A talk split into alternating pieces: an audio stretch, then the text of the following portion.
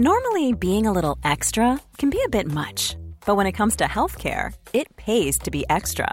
And United Healthcare makes it easy with Health Protector Guard fixed indemnity insurance plans. Underwritten by Golden Rule Insurance Company, they supplement your primary plan, helping you manage out of pocket costs without the usual requirements and restrictions like deductibles and enrollment periods. So when it comes to covering your medical bills, you can feel good about being a little extra. Visit uh1.com to find the Health Protector Guard plan for you.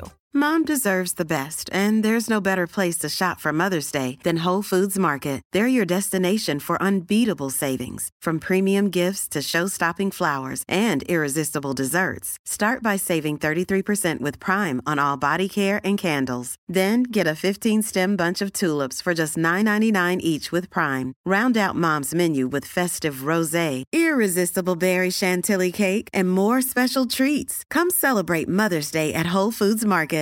Ready to pop the question? The jewelers at BlueNile.com have got sparkle down to a science with beautiful lab grown diamonds worthy of your most brilliant moments. Their lab grown diamonds are independently graded and guaranteed identical to natural diamonds, and they're ready to ship to your door. Go to BlueNile.com and use promo code LISTEN to get $50 off your purchase of $500 or more. That's code LISTEN at BlueNile.com for $50 off. BlueNile.com code LISTEN. Att få pengarna att växa genom att investera i fonder låter ju kanon för kontot. Men vad behöver man veta för att både fatta grejen och lyckas? Allt om fondsparande blir det idag i Smarta Cash, podden som peppar till en bättre ekonomi och rikare framtid med mig Isabella Amadi.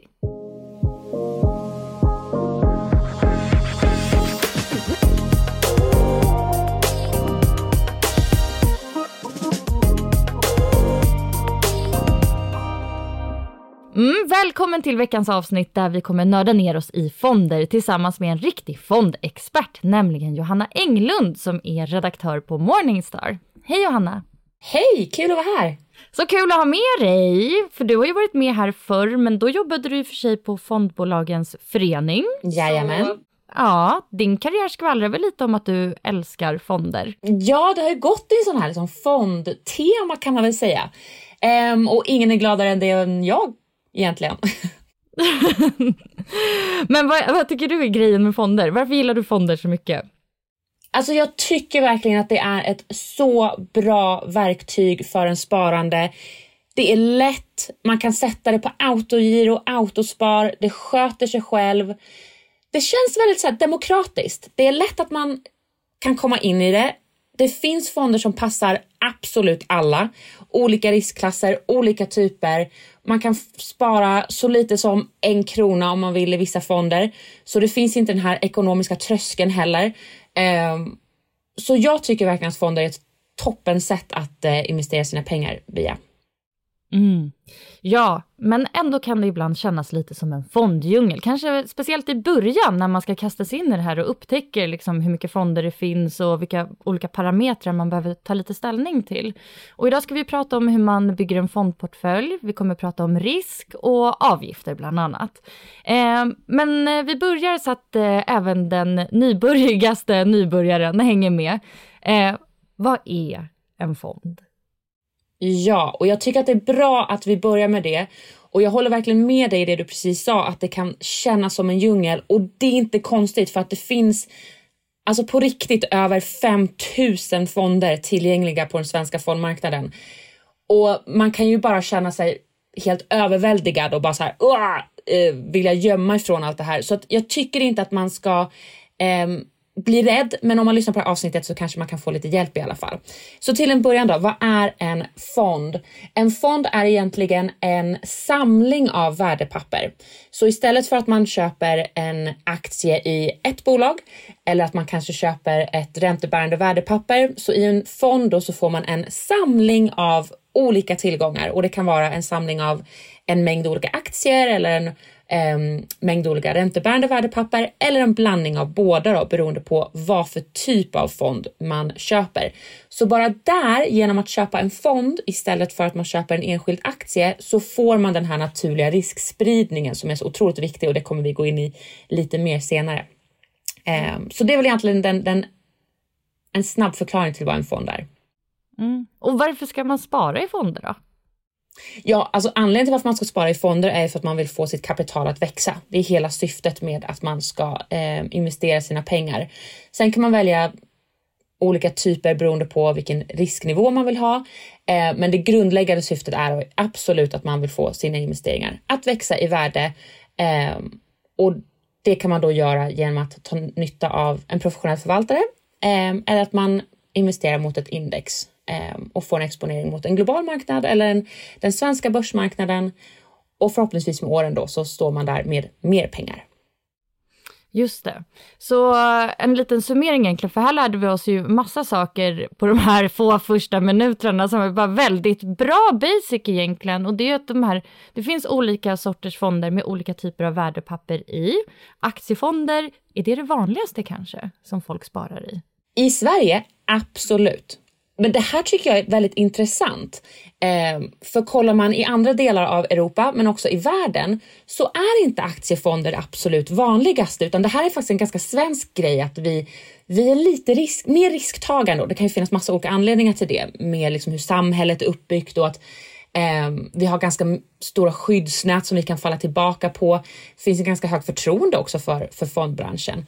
Eh, så aktiefonder, absolut det vanligaste det är där den mesta av fondförmögenheten i Sverige ligger. Eh, och sen så utöver det så finns det blandfonder som då är en blandning av aktier och räntebärande värdepapper. Och sen så finns det också räntefonder, rena räntefonder eh, och så hedgefonder. Det är de fyra kategorierna som är liksom de här grundbultarna. Eh, sen inom de här kategorierna så finns det också en mängd olika eh, som man behöver kika lite närmare på. Mm. Och det här med aktivt förvaltade fonder och indexfonder då, kan vi eh, kika lite närmare på det? Vad, vad finns det för likheter och skillnader mellan dem? Mm. Det vanligaste är, om vi säger då aktiefonder då, där de största delen av den svenska fondförmögenheten ligger. Eh, kollar man på aktivt förvaltade aktiefonder så är det faktiskt den vanligaste kategorin. Så största delen av kapitalet ligger i aktivt förvaltade eh, aktiefonder. Eh, indexfonder däremot börjar verkligen komma ikapp. Vi ser att den nya, de nya pengarna som stoppas in i fonder, största delen går till indexfonder. Och det här finns ju flera anledningar till. Båda två investerar ju på aktiemarknaden och man får den här diversifieringen. Eh, skillnaden då är att den ena sitter med en förvaltare som är aktiv i sina investeringsbeslut. Den här personen sitter då och gör analyser över olika bolag och målsättningen för en aktiv förvaltare är att de vill slå sitt jämförelseindex. Så de vill alltså överträffa den genomsnittliga avkastningen på marknaden. Och det kan man ju bara göra genom att skilja sig från marknaden och från sitt jämförelseindex. Är man exakt samma så kommer man ha exakt samma avkastning minus avgiften då. Ehm, men en aktiv förvaltare försöker helt enkelt vara bättre och då måste de fatta aktiva investeringsbeslut. En indexfond, de följer bara rakt av ett förvalt index, kopierar det och liksom speglar det och sen så tar de ut en liten avgift för liksom administrativa kostnader som följer med av att man eh, har en fond överhuvudtaget. Ehm, så det är två, i vissa fall ganska lika produkter, men i andra fall väldigt olika. Och det ser vi också att intresset för de här indexfonderna växer för att man vet vad man får. Man vet att man köper det här indexet. De har vanligtvis betydligt lägre avgifter. Vi kommer komma in på avgifter lite mer sen. Och det är en väldigt viktig faktor för både avkastningen men också för investerare ser man att man vet om att avgiften är viktig. Och sen så en sak som jag dock vill påpeka här är att en, ett missförstånd ibland är att folk tror att en indexfond innebär en lägre risk. Så behöver inte vara fallet. Det beror helt på vilket index som fonden väljer att följa. Vi kan ju ha en fond som följer ett index som är jättesmalt eller jättenischat på en specifik sektor eller specifik bransch. Då kan det ändå vara ganska så riskfyllt. Ehm, så kom ihåg det indexfonder, det är inte lägre risk bara för att det är en eh, indexfond. Det beror helt enkelt på vilket index som den följer. Och index, det är egentligen, vad kan man nu sammanfatta det som, en lista med aktier. Ja men precis, alltså det är egentligen, kollar man liksom eh, OMXS30 så är det de 30 mest handlade aktierna på Stockholmsbörsen. Så det finns liksom såna här, det finns massa olika index eh, och så kan man helt enkelt följa dem. Så ja, det är som en lista med, med olika innehav som en fond kan spegla och så också fördelningen av de här. Hur stor del ska de här olika innehaven ta i, i de olika bolagen eller i de olika portföljerna helt enkelt. Mm. Eh, och när man tittar på aktiefonder då, så kan det ju också finnas, som du säger, det finns ju tusentals, eh, med massa olika inriktningar och marknader. Eh, kan du berätta lite, vad för typer av fonder finns det egentligen där man kan välja bland? Ja, alltså om vi kollar på aktiefonder då, så finns det ju aktiefonder som också har olika inriktningar. Eh, och det kan ju vara en global fond. Eh, då riktar de in sig på den globala marknaden. Brasklapp, väldigt mycket USA i de fonderna. Ehm, sen så kan det vara utvecklade marknader eller tillväxtmarknader som de här fonderna riktar in sig på. Det kan vara specifika länder, så Sverigefonder, väldigt populära i, i Sverige såklart. Ehm, så landspecifika fonder tenderar att såklart vara mer populära i, i just de liksom, länderna som lite så här home biased har, har de flesta investerarna. Ehm, men globalfonder är väldigt populära. det finns också fonder som riktar in sig på specifika sektorer tekniksektorn, eh, hälsovårdsfonder. Men sen så är det också väldigt vanligt med fonder som eh, skiljer på storleken på bolagen. Så det kan vara att man riktar in sig på eh, stora globala aktier eller att man väljer att eh, investera i medelstora bolag eller småbolag. Så småbolag är också en ganska populär eh, fondkategori kollar vi på de som har varit ganska populära på den senaste tiden men som också har varit ganska så stökiga så hittar vi då teknikfonder, väldigt populär sek eh, sektorfond, eh, men även fastighetsfonder och energiomställningsfonder. Spännande smörgåsbord Ja, och det mm. talar också lite för tiden som vi är i. Mycket teknik, mycket fastigheter, men också energiomställning. vad skulle du säga då, vem passar det att spara i fonder? Alltså jag tycker att det passar för alla. Eh, jag tycker att varenda, varenda människa skulle kunna ha eh, en fond eh, och jag, jag gav faktiskt min 80-åriga farmor i present, startade jag ett fondsparande till henne. Eh, för jag tycker att det spelar ingen roll hur gammal man är eller ehm, vem man är så ska man kunna ha ett fondsparande. Ehm, så jag tycker absolut alla, men det gäller att man ger sig själv rätt förutsättningar egentligen. Sätt inte för höga krav. Tro inte att du måste investera tusen lappar varje månad, annars så är det liksom inte lönt. Det finns fonder som man kan bara lägga i några, en 50-lapp eller en 100-lapp. Det handlar om att få in den här eh, den liksom rytmen och bara få in vanan att spara. Det kommer hjälpa. Eh, och sen såklart om du har något lite kortsiktigare mål, kul, då kan du få ta del av utvecklingen lite snabbare. Eh, men att kunna ha den ekonomiska tryggheten, att veta att om någonting händer så finns den här potten där. Jag tror att det kan göra ganska stor skillnad för, eh, för många människor. Ehm, men du har inte bufferten där? Nej, bufferten har jag på ett annat konto. Ja, det är helt rätt. Så bufferten har man på ett annat ställe. Men såklart, så fort bufferten är klar, eller man kan, jag gjorde faktiskt lite simultant. Man sparar lite till bufferten, man sparar lite på fondkontot på samma gång. Um, så att man inte också så väntar på att bufferten ska vara klar. Sen börjar jag med mitt fondsparande. Utan kör lite både och. Um, och sen är bufferten, man är liksom klar med den och känner att man har en ganska bra size på sin buffert. Då kan man köra på lite mer i, i fondsparandet helt enkelt. Vilken sparhorisont ska man ha på fondsparet? Ja, alltså vanligtvis så brukar man ju säga att att en liksom aktiefond, då behöver man ha minst fem års eh, sparhorisont. Eh, sen är det klart att ju längre horisont man har, desto bättre avkastning kan man få. och Då kan man nog också känna sig tryggare med att sitta still i de här marknadssvängningarna ehm, eh, som vi får där börsen kan rasa sjukt mycket och det blir jättenervöst att sitta och se sitt fondsparande minska. Men vet man då att men jag ska inte använda de här pengarna förrän om 20 år så det är såklart det är lättare att sitta still Ehm, än om man har lagt in pengar som man ska ha till en handpenning om fem år. Eh, så ja, det gäller att man har en ganska lång sparhorisont, Men även här tycker jag att man kan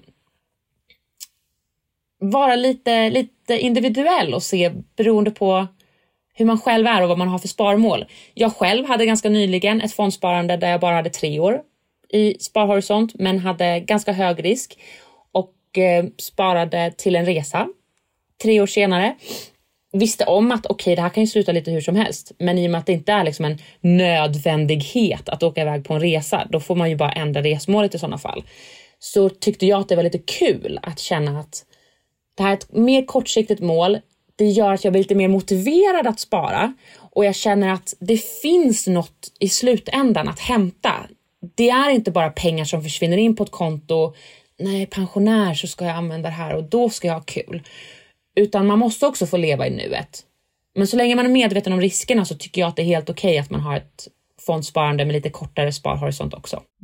Ja, man kan ju också dela upp sparandet. Säg att man har en resa man vill göra, långresa om tre år eller vad det kan vara. Man kan ju spara hälften i fonder och hälften på ett sparkonto eller ja, någon annan procentsats av det. Ja, men eller hur? Ja, men eh, risk. Där finns det ju många som ryggar tillbaka direkt. Eh, men risk kanske inte alltid är eh, så negativt. Men eh, vilka risker finns med fonder? Ja, alltså till att börja med så tycker jag precis som du säger, alltså risker ska man inte rygga tillbaka till eh, för och risker är också en möjlighet. Alltså jag skulle typ säga att det är mer riskfyllt att inte fondspara. Ehm, för att då får du inte möjlighet att ens ta del av den här utvecklingen eh, och skapa dig själv den här finansiella tryggheten. Att du kan sova gott om natten om du ändå sen skulle vakna upp och vilja göra en radikal förändring i ditt liv. Ehm, men ja, det finns risker och det finns massa olika risker när det kommer till fondsparande. Och den, den största risken är väl egentligen att det kan svänga ganska fort. Ehm, marknaden kan gå ner jättesnabbt och rasa i värde och om man då är nojig och är lite nervös över sina pengar och, och inte vågar sitta still så är det såklart en risk att man säljer på botten och sen köper man in sig igen när det är på toppen och så tajmar man egentligen marknaden helt fel. Um, så det är ju en, en risk. Men sen så finns ju risker som bolagsrisker, att eh, företagen som fonderna investerar i inte går något bra. De går i konkurs. Det gör ju att fonden också kommer gå ner i värde. Nu är ju fonder ett bättre alternativ där än enskilda aktier för att i en fond så har du oftast eh, betydligt fler innehav så det kommer inte slå lika hårt. Men risken finns. Och sen finns det ju sektorsrisker att eh, väljer man att bara spara i, men säg de som bara kanske haft ett sparande i fastighetsfonder.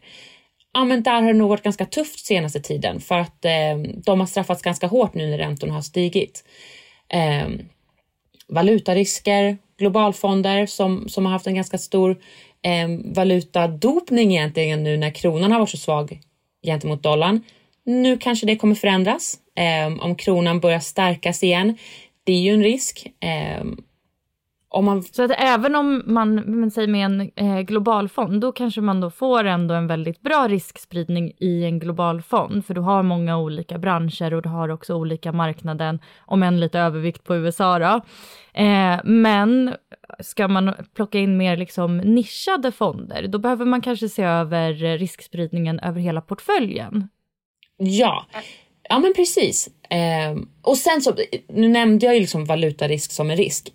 Men jag tycker inte att man ska faktiskt lägga för mycket vikt på det egentligen, för det brukar balansera sig ut över tid. Så jag tycker inte heller att man ska tänka att oh, nu måste jag kompensera och ha massa fonder som har exponering mot euron eller mot yenen. Nej, alltså så långt bör man inte gå. Det brukar balansera ut sig. Men ja, absolut. Har man en global fond i, i botten och sen så kanske man eh, vill ha en liten Sverigefond för att eh, det är ändå här vi bor och verkar eh, och att man kanske har en tilltro till att våra svenska bolag kommer utvecklas bra framöver. Jättebra med en Sverigefond. Och sen har man ett intresse eller att man känner att de här sektorfonderna är jättespännande. Välj in dem också. Men en globalfond har ändå ganska mycket inriktning mot teknik också. Alla de här stora liksom globala jättarna inom teknik som då också är amerikanska bolag. Eh, typ Alphabet, Meta, Amazon. Mm. Alla de liksom finns i de, jag skulle säga majoriteten av alla globalfonder där ute. Um, så det kan man också kolla. Hur stor exponering har min globalfond mot tekniksektorn? den är troligtvis ganska så stor ändå. Eh, men hur stor eh, avkastning kan man förvänta sig då? För har man tagit den här risken då vill man kanske tjäna sig en liten hacka. Ja. Om, det, om risk är lika med chans. ja men precis. Och det är ju faktiskt så det är. Vi, man investerar ju för att få en avkastning såklart. Um, om man kollar på en, en genomsnittlig, um, ett genomsnittligt Sverigeindex um, de senaste tio åren så har de avkastat ungefär 8% per år. Um, och kollar man på de senaste 20 åren så är det 9,7 procent per år. Eh, och kollar man då istället på ett globalt index så var det en avkastning på 12,6 procent senaste 10 åren och 9,4 procent de senaste 20 åren. Eh, så det är en väldigt hög avkastning, genomsnittlig avkastning att få det. Men här måste man komma ihåg, du kommer inte sitta och få 9% i avkastning varje år. Det kan vara minus 20% ett år och så kan det vara upp 30 procent ett annat år. Men när man slår ut det som ett genomsnitt, då får vi de här siffrorna. Eh, och det var ju därför jag också sa att jag tycker att det är mer riskfyllt att faktiskt inte ta risk. Eh, för kollar man bak i historien så ligger genomsnittsavkastningen verkligen kring 7-8 procent. Eh, så genom att vara exponerad mot aktiemarknaden så kan man få en sån här avkastning. Så räntefonder, lite lägre avkastning. De har haft det tufft också nu senaste åren när det har varit nollräntor. Eh, men ja, så jag tycker att det är ganska så, ganska så bra genomsnittlig avkastning de senaste 10 och 20 åren. Mm, absolut bättre än eh, man får på sparkonto. Absolut. Mm. Eh, avgiften är ju alltid en snackis när det kommer till fonder. Eh, hur ska man tänka kring fondavgiften? Avgiften är superviktig. Eh, det är den verkligen. Det första jag vill säga med avgiften är att eh, när du kollar på en fond och när du jämför fonder, kom ihåg att avgiften alltid redan är avdragen. Så när en fond redovisar sin avkastning, då är avgiften redan borträknad. Så det gör att man kan jämföra fonder jättelätt. Du ser klart och tydligt, svart på vitt, vilken som har gått bäst och vilken som har gått sämre. Mm. Man behöver inte sitta med sin egen eh, procentuträkning Nej. där. Nej, Nej det, det är redan klart. Um, men när, man, när Morningstar gör sina analyser och liksom ser hur fonder går och vilka som är bäst och vilka som inte klarar sig så bra och varför klarar de sig inte så bra. Avgiften är liksom en, en sån där som ständigt dyker upp att är avgiften hög så har förvaltarna svårt att kompensera för det. Eh, jag brukar se det som liksom ränta på ränta fast åt andra hållet. Eh, för det fungerar ju på samma sätt. Tar de ut den här avgiften, tar bort den från liksom, eh, fondens liksom, lilla pott av pengar, så måste de ju då tar de bort de här pengarna som nu inte utsätts för den här ränta på ränta effekten. Så då måste de jobba lite ännu hårdare och skapa avkastning för att kompensera för att man tar ut den här högre avgiften. Och det gör ju då att förvaltarna verkligen måste vara aktiva men också lyckas hitta de bolagen som faktiskt genererar den här högre avkastningen. Så jag skulle säga så här, det är inte så att jag är helt anti höga avgifter på det sättet, men jag är anti höga avgifter när man inte får avkastningen. Det är den som är den viktigaste. Ska du betala en högre avgift, då måste du få den här avkastningen som utlovas. Nej, du kommer inte få den varje månad eller liksom ens varje år kanske, men över tid så måste den leverera avkastning. Annars kan du lika gärna välja en billigare fond. Mm. Oh, vad är en eh, hög versus låg avgift då? Mm. Jag tycker att man kan utgå ifrån genomsnittsavgiften egentligen i Sverige. Eh, och kollar man på de svenskregistrerade fonderna så ligger den genomsnittliga årliga avgiften för indexfonder på 0,3 procent, så 0,30 procent. Ska man betala mer än det för en indexfond?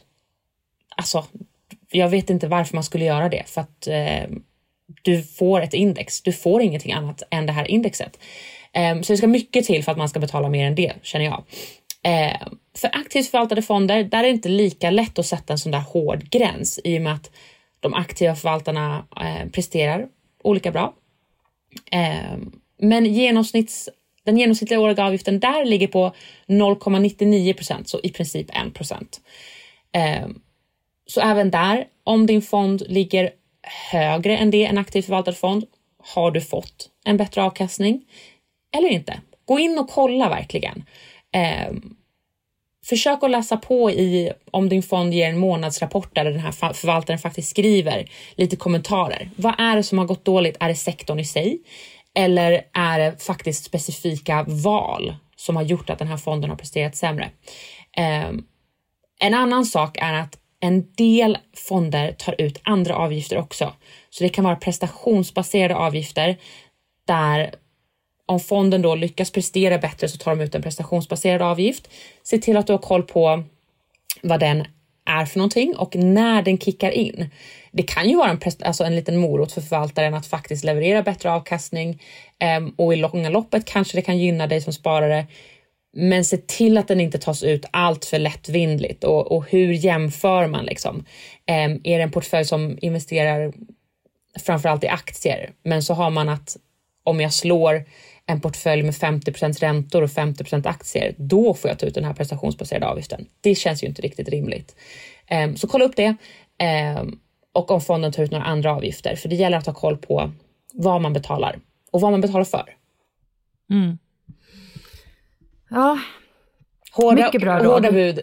Ja, verkligen hårda bud. Okej, måste dubbelkolla alla fonder jag redan har. Inga prestationsbaserade avgifter tack, det lät lite jobbigt. I alla fall om man inte känner till det. Är Ja, det medvetet det, man så är vill- det medvetet. Man vill känna till det och sen som sagt se till att, att du betalar en rimlig... Sen ska jag också säga så här, jag tycker att det är rimligt att fonder tar ut avgifter. De gör ett jobb och, och det, gör ju, det är en lätt sparform så det är som en tjänst, en produkt som vi betalar. Så jag är verkligen inte anti att betala fondavgifter. Jag tycker det är högst rimligt och, ehm, och jag är okej med det och jag betalar gärna mina fondavgifter. Men jag vill känna att jag får ut det jag ska för dem. Ehm, det är mest det. Eh, men man brukar ju ofta få ta till sig lite info om fonder på sin bankapp. Eh, Eh, och där står det ju bland annat om avgiften och man kan se avkastningen och sådär. Men man ser också ett stjärnbetyg. Och det råkar ju vara Morningstars rating av fonder som du jobbar på. Eh, även om du kanske inte jobbar med just ratingen då. Nej. Men eh, betygssättningen känner du ju väl till. Hur funkar den? Ja, betygssättningen funkar som så att det är ett betyg som blickar bakåt. Så det kollar på hur fonden har presterat eh, den riskjusterade avkastningen historiskt. Och sen så jämför Morningstar då den här avkastningen, den riskjusterade avkastningen jämfört med de andra i fondens kategori. Eh, så man jämför det med andra liksom likvärdiga fonder och så ser man okej, vilka har lyckats bäst och vilka har lyckats sämst inom den här kategorin. Den, de 10% som har lyckats bäst, de får fem stjärnor.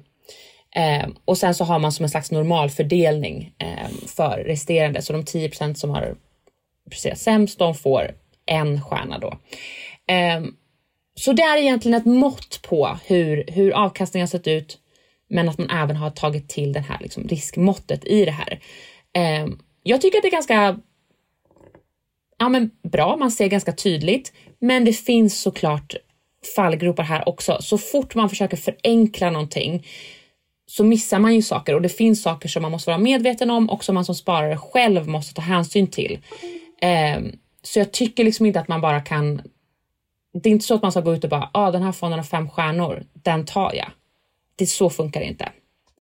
Nej, för det man undrar då är ju vad säger eh, en femma stjärnor om framtiden egentligen? Kommer den fortsätta vara femstjärnig även nästa år när jag sparar i den här fonden? Eller hur, hur brukar det se ut? Pendlar de ofta fonderna i sina stjärnbetyg? Nej men precis som du säger, att den har fem stjärnor just nu säger ingenting om, om vad den kommer ha framöver.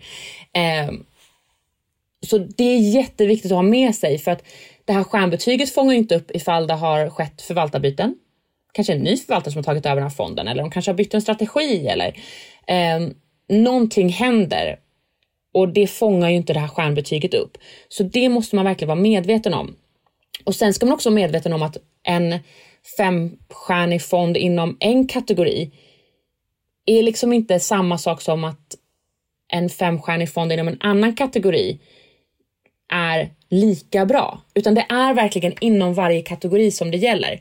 Och så globalfond med globalfond, ja. Eh, Sverigefond med Sverigefond och så vidare. Ja men precis. Och för att liksom egentligen råda bot lite på det här så har Morningstar ett annat betyg eh, som är en medaljrating. Ooh, berätta allt! Ja, och det här är ju då för att det här stjärnbetyget är ju bakåtblickande, fångar inte upp någonting för framtiden. Så Morningstar har ett gäng med fondanalytiker eh, som har suttit och egentligen betygsatt fonder men utifrån då ett mer framåtblickande perspektiv. Så här sitter då analytiker och säger så att okej, okay, den här strategin ser ut så här. Ehm, eh, hur ser fondbolaget ut? Eh, hur lyckas de behålla sina förvaltare? Har de en bra strategi? Hur ser avgifterna ut?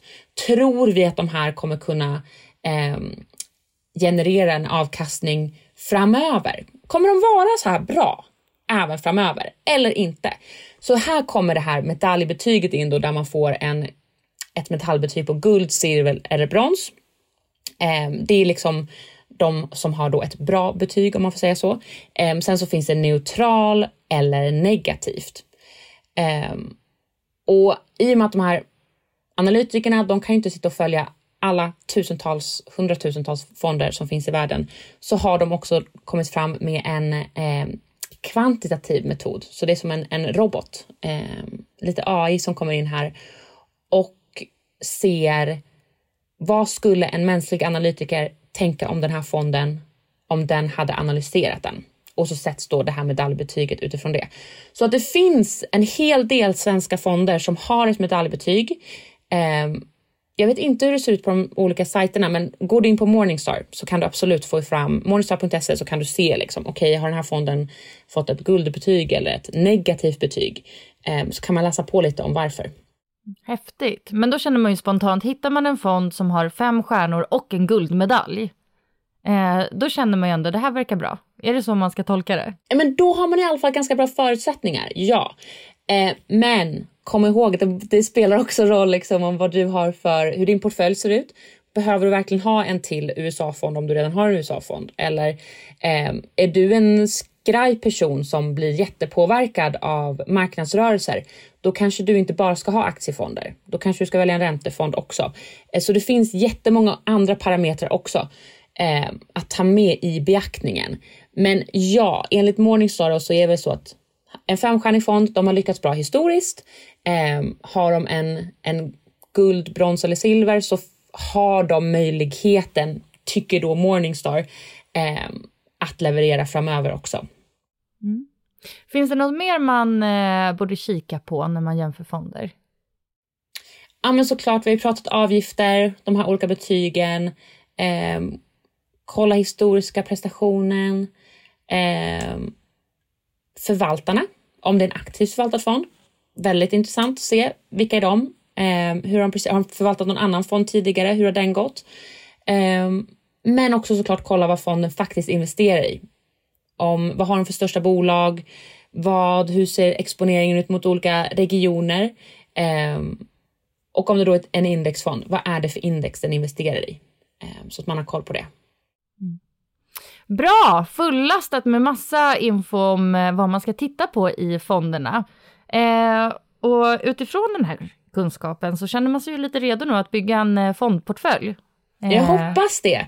Ja, fast jag vill att du ska bygga den. det vill jag säga, jag är ingen rådgivare. Så, så att man, får, man får sina ekonomiska råd eh, från en bankman eller en, en rådgivare någon annanstans. I teorin, hur skulle man kunna tänka sig nu att sätta ihop en fondportfölj? Vad vill man ha där i? Alltså jag tycker ju att eh, långsiktigt då, en, en liksom bred global aktiefond, toppenbra. Eh, lite exponering mot Sverige i, i och med att det är här vi, vi lever och verkar och bor. Eh, Stockholmsbörsen också historiskt gått ganska så bra. En ganska liten börs ur ett liksom globalt perspektiv. Eh, så det kan inte vara så tokigt.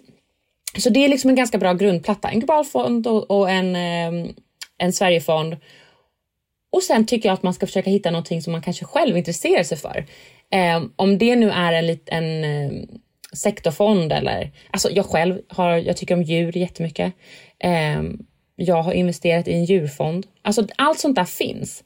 Eh, så man kan ju försöka hitta saker som man också intresserar sig själv för eh, och försöka liksom krydda till, men, men man kanske inte ska ha det som sin stora grundplatta i fondsparandet.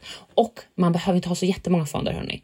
Alltså det räcker ganska gott och väl med bara ett par fonder. Man behöver inte krångla till det för mycket, utan försök att hålla det lätt och regelbundet. Inte försöka göra för stora förändringar och vad ni än gör, tajma inte marknaden. Det kommer inte gå bra. Det är typ det största misstaget sparare gör. Ja, alla tänker att de är smartare. alla knäcker koden och sen så kommer den bistra sanningen att man inte hade gjort det. Ja, men det är ju så. Mm. Tyvärr. Men det här med räntefonder då. Eh, om man inte har räntefonder i sin portfölj, eh, är det ett bra läge att plocka in det? Det skulle det verkligen kunna vara. Nu har ju verkligen räntemarknaden förändrats. Eh, så att jag skulle säga absolut, det finns potential för räntefonder framöver.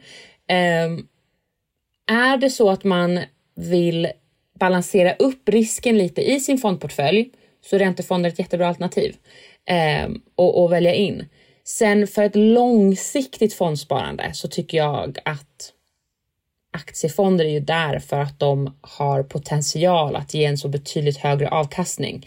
Eh, men om du som sparare inte kan sitta still med de här aktiefonderna för att du blir för nervös och nojig och tajmar marknaden fel så kan det vara en absolut nödvändighet att du väljer in en, en räntefond och liksom har en bättre balans i din portfölj. Um, så ja, absolut, det kan finnas eh, anledning att kika lite närmare på räntefonder. Mm. Hur ska man bete sig då med sina fonder? Hur ofta behöver man följa upp dem och följa utvecklingen? Eh, är det liksom sitta still i båten som gäller eller ska man in och switcha om? Titt som tätt? Nej men rent generellt ska man ju sitta still i båten. Det är ju verkligen så.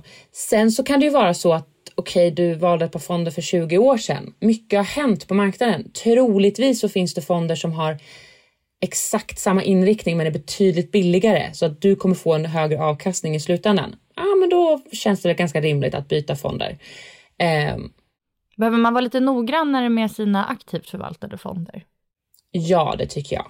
Eh, jag skulle säga att ja, men jag själv är också det. Mina, alltså mina indexfonder, ja, jag har ju köpt det här indexet så jag vet, jag vet på ett annat sätt vad jag investerar i. Um, och så länge jag inte vill byta index så då är de ju där. Um, eller att det dyker upp en ny produkt på marknaden som i, följer samma index till en lägre avgift. Ja, men då kanske jag byter. Men ja, aktivt förvaltade fonder, där skulle jag säga att man behöver vara, ha lite mer koll.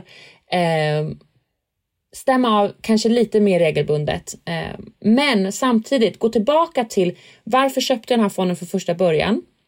Har min tro på den här marknaden eller branschen eller sektorn förändrats? Eller är det bara skakigt generellt i ekonomin just nu? Eller behöver jag byta ut den här förvaltaren för att de har fattat dåliga beslut? Eller inte? Ehm, så ja, men där tycker jag att man kan vara lite hårdare för där betalar du ändå en högre avgift för att få en aktiv förvaltning. Och då tycker jag att det ska, det ska löna sig. Mm. Finns det några vanliga misstag man ska undvika när man sparar i fonder? Ja, men det är väl framförallt det här med att tajma marknaden eh, eller att man väljer en fond med för hög avgift. Eh, så jag skulle säga, ja men för säkert fonder med för hög avgift, att man försöker tajma marknaden. Eh, vi gjorde en studie ganska nyligen på Morningstar där vi såg, där vi liksom granskade hur mycket har folk faktiskt eh, tappat tappat i avkastning genom att tajma marknaden dåligt. Och det är mycket. Alltså på fem år så hade folk tappat nästan 12 procent i eh, energiomställningsfonder. Bara för att man har gjort dåliga beslut. Gått in för sent när det redan har gått upp och sen så går man ut och är besviken och så är man inte med på uppgången sen när den väl kommer igen. Um, så jag skulle säga att den här otåligheten, att man inte um, känner sig tillräckligt be alltså bekväm med varför man valde den här fonden från början eh, och att man står fast vid den teorin och sin, sin analys egentligen. Så försök vara långsiktiga. Har du ett månadssparande som går automatiskt, då behöver du inte tänka så mycket egentligen. Eh, men ja, gå in och kolla lite. Hur ser avgifterna ut? Finns det några andra alternativ? Gå in och kolla på de här olika betygen Eh, och, och försök läsa på. Men du måste liksom inte vara någon expert för att börja. För ibland tror jag också så här, nu när någon sitter och lyssnar på det här och är så här, men gud, Johanna pratar ju om hur många olika saker som helst. Jag kommer aldrig ha koll på det här. Jag skiter i det. Jag, jag vågar liksom inte börja. Eh, tänk inte så, utan det är mycket, mycket bättre att du börjar och att du istället då väljer, men säg att man då väljer fel fond det, jag tycker inte heller att man kan välja fel fond på det sättet. Men säg då att du väljer den här fonden och sen om ett år så har du lärt dig massa mer. Förhoppningsvis har du fått lite avkastning. Ja, du kanske hade fått mer avkastning i en annan fond, men du hade ju fått, du har ju fått mer än du skulle ha fått om du inte hade investerat alls. Så bli liksom inte rädda utan börja investera och sen ja, om du lär dig mer om ett år, jättebra, byt fond då.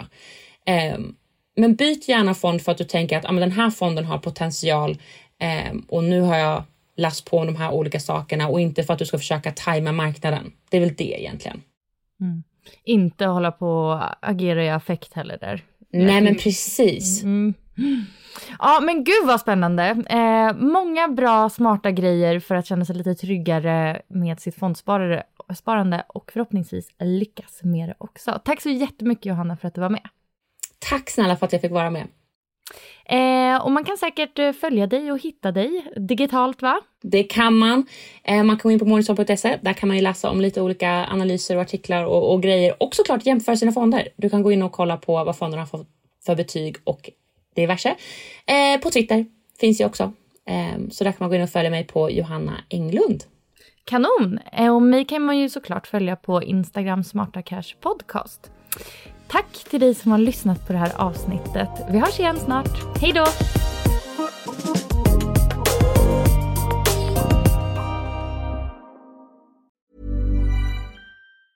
Mom deserves the best, and there's no better place to shop for Mother's Day than Whole Foods Market. They're your destination for unbeatable savings, from premium gifts to show-stopping flowers and irresistible desserts. Start by saving 33% with Prime on all body care and candles. Then get a 15-stem bunch of tulips for just $9.99 each with Prime. Round out Mom's menu with festive rosé, irresistible berry chantilly cake, and more special treats. Come celebrate Mother's Day at Whole Foods Market. Mom deserves the best, and there's no better place to shop for Mother's Day than Whole Foods Market. They're your destination for unbeatable savings, from premium gifts to show-stopping flowers and irresistible desserts. Start by saving 33% with Prime on all body care and candles. Then get a 15-stem bunch of tulips for just $9.99 each with Prime. Round out Mom's menu with festive rosé, irresistible berry chantilly cake, and more special treats. Come celebrate Mother's Day at Whole Foods Market. Planning for your next trip?